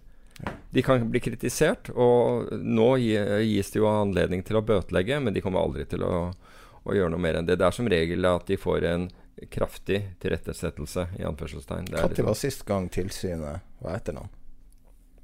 Det begynner å bli en stund siden. Etter noen som er store, eller etter noen i det hele Ja, det bare var en stor sak. Altså Det siste Ja, jeg, husker, var men jeg naken vet- shortsalg-saken ja, ja, men jeg vet jo at tilsynet ja, Men det er, de har jo måttet eh, bli involvert i denne, i denne Forte Trønder, den, det kredittfondet. Ja. Det som da stanset innløsninger og hele greia. Uh, de, de har jo blitt trukket inn i det, men det, det måtte de bli. De hadde sikkert svart ingen kommentar, ikke ville gjøre det hvis, de ikke, hvis de ikke de faktisk hadde ansvar. Uh, men eh, men, eh, ja. men det er helt utrolig med akkurat det der produktet der, at du tillater at et produkt som ikke har likviditet, har daglig likviditet. Ja. Altså at du får lov å du, Husk på det at mandatet i dette fondet er blitt godkjent av Finanstilsynet med, med daglig likviditet. De har sagt ja til det, og har ikke hatt peiling på hva, som, hva, hva dette innebar. Um, og Det syns jeg er utrolig. Men, eh, men nå får vi jo se hvordan det lander. Altså Får håpe at kundene kommer, uh, kommer seg ut. Men jeg så det var vel en artikkel jeg, Nå skal jeg kreditere den rette, og det, det mener jeg var i E24 om dette her. Ja. Og det var snakk om å få tilbake brøkdeler altså, av det man hadde skutt inn. Det minner om de her eiendomsfondene fra ti år tilbake, der alle satt låst inne. Ja, det fins jo folk som er fortsatt låst inne i det, så vidt jeg skjønner. Så Nei, verden har forandret seg. Altså. Det er ikke bare sparkesykler og elbiler. Altså. Det er mye som er nytt. Yep. Tenkte på det der når jeg var gikk tur med bikkja seint i går kveld, og så kommer det noen ungdommer forbi meg. Liksom, det var ganske mørkt og sånn, og så var det med rødt farga hår og, og på sånn sparkesykkel. Og bare, så tenker jeg bare Verden ser så annerledes ut. mm. Sånn som, det ser litt sånn ut sånn som i en eller annen eh, science fiction-film eller noe sånt. For da er det alltid sånne rare ting folk driver og kjører på og styrer. Altså alt, Folk har rare hårfarger og sånn. Vi er litt sånn her nå. Ja, mulig. Jeg har ikke, jeg har ikke slått meg, men uh, jeg, jeg, har, jeg, har ikke slått meg. Men vi lever jo i en, en uh, Altså i hvert fall sånn økonomisk sett veldig mye pga. korona, selvfølgelig. Men korona har på en måte vært en utløsende faktor for en, for en, for en rekke andre ting. Men Hva tror du skjer hvis Trump får korona? visst Trump får korona. Åh, ja. ja, hva skjer da? Hva, ja, hva skjer da? I don't know. Det, altså det, det beste som skjedde i England, var jo at Boris Johnson fikk det. Det gjør jo at de plutselig tok det på alvor. Og kanskje mange i verden tok det på alvor pga. det. Men tenk hvis Trump får korona. Ja, jeg, øh, det var øh, en som hadde Jeg husker ikke hvem det var som hadde satt sammen uttalelsen hans om dette igjennom fra dette startet.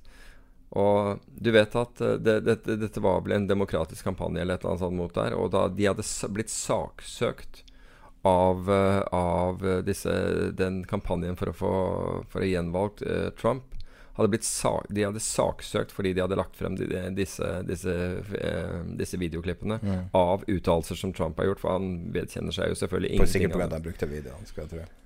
Ja, det var, dette, dette kommer jo fra, fra forskjellige nyhetskilder som de har fått lov å bruke det. Så det er, det er ikke det at de ikke har, har, eh, har eh, anledning til å vise dette her. Men eh, de har da blitt saksøkt for dette. Fordi de mener jo at dette Trump mener jo selv at han ikke har sagt noen av disse tingene.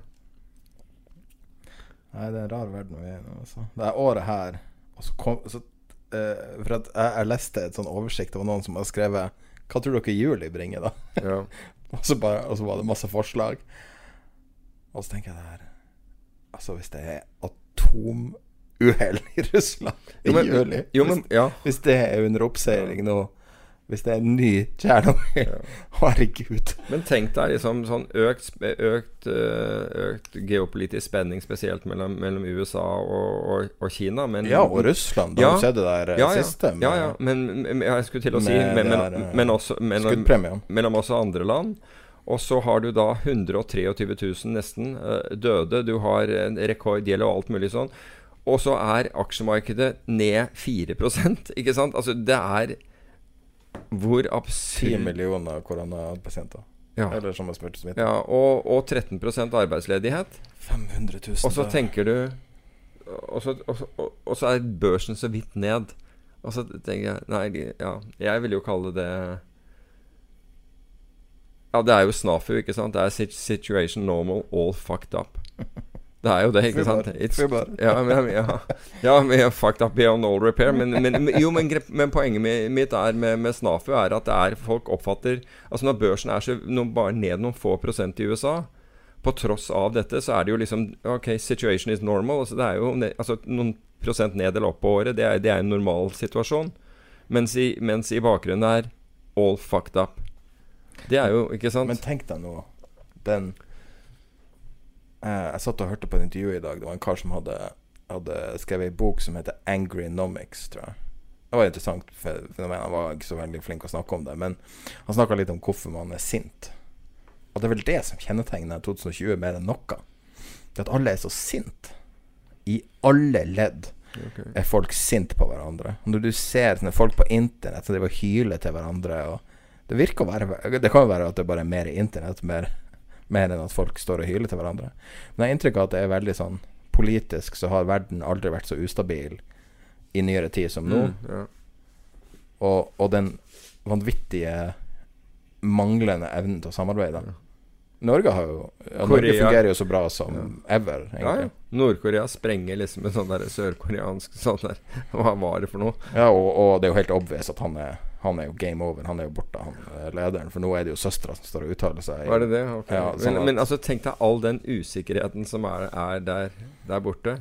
Uh, nå har man ikke klart å vende Det er rart at ikke Trump går løs på Iran igjen, for han, uh, bare for å holde det gående. Men, uh, men det er liksom altså, Du har klart å skape en verden som er i total kaos. Altså ikke klart å skape, men altså, det er veldig mye av den er skapt. Og så har du og så har du da selvfølgelig situasjonen med korona på toppen av det hele, og allikevel Finansmarkedene re reagerer da med, med noen få prosent ned. For det er fake. Alt er fake. Ja. Det er Fed som Og så har du eksperter Alt- Og så har du, da, og så har du eksperter som rasjonaliserer dette her som Nei, nei, det er bare kjøp, dette er helt normalt. Er alt, al, alle verdier er på plass. Ja. Og det er, det er hva jeg kaller snafu. Ja. Men ikke sant, vi må bare forholde oss til det. Det, det, det hjelper jo ikke å, å, å ha en mening om det. Altså, det er hva det er. Men du hadde fått et spørsmål om hva man skal investere i. Ja, altså Man må investere i seg sjøl. Ja, men hvordan vil, ja, men hvordan vil jeg Det kan man jo gjøre, men, men hvordan, vil, jeg, altså hvordan min, vil min portefølje se ut? Og, og min portefølje ser da ut med, med, med stadig mer som mer investeringer. Og det er type hedgefondinvestering som ikke er avhengig av retningen på aksjemarkedet. Rett og slett fordi Men det har noe med, med alder og, og, og, og antatt gjenstående leve, levetid å gjøre. Jeg har ikke lyst på å få 30-40% mot meg, som du kan risikere et any given year i aksjemarkedet, egentlig.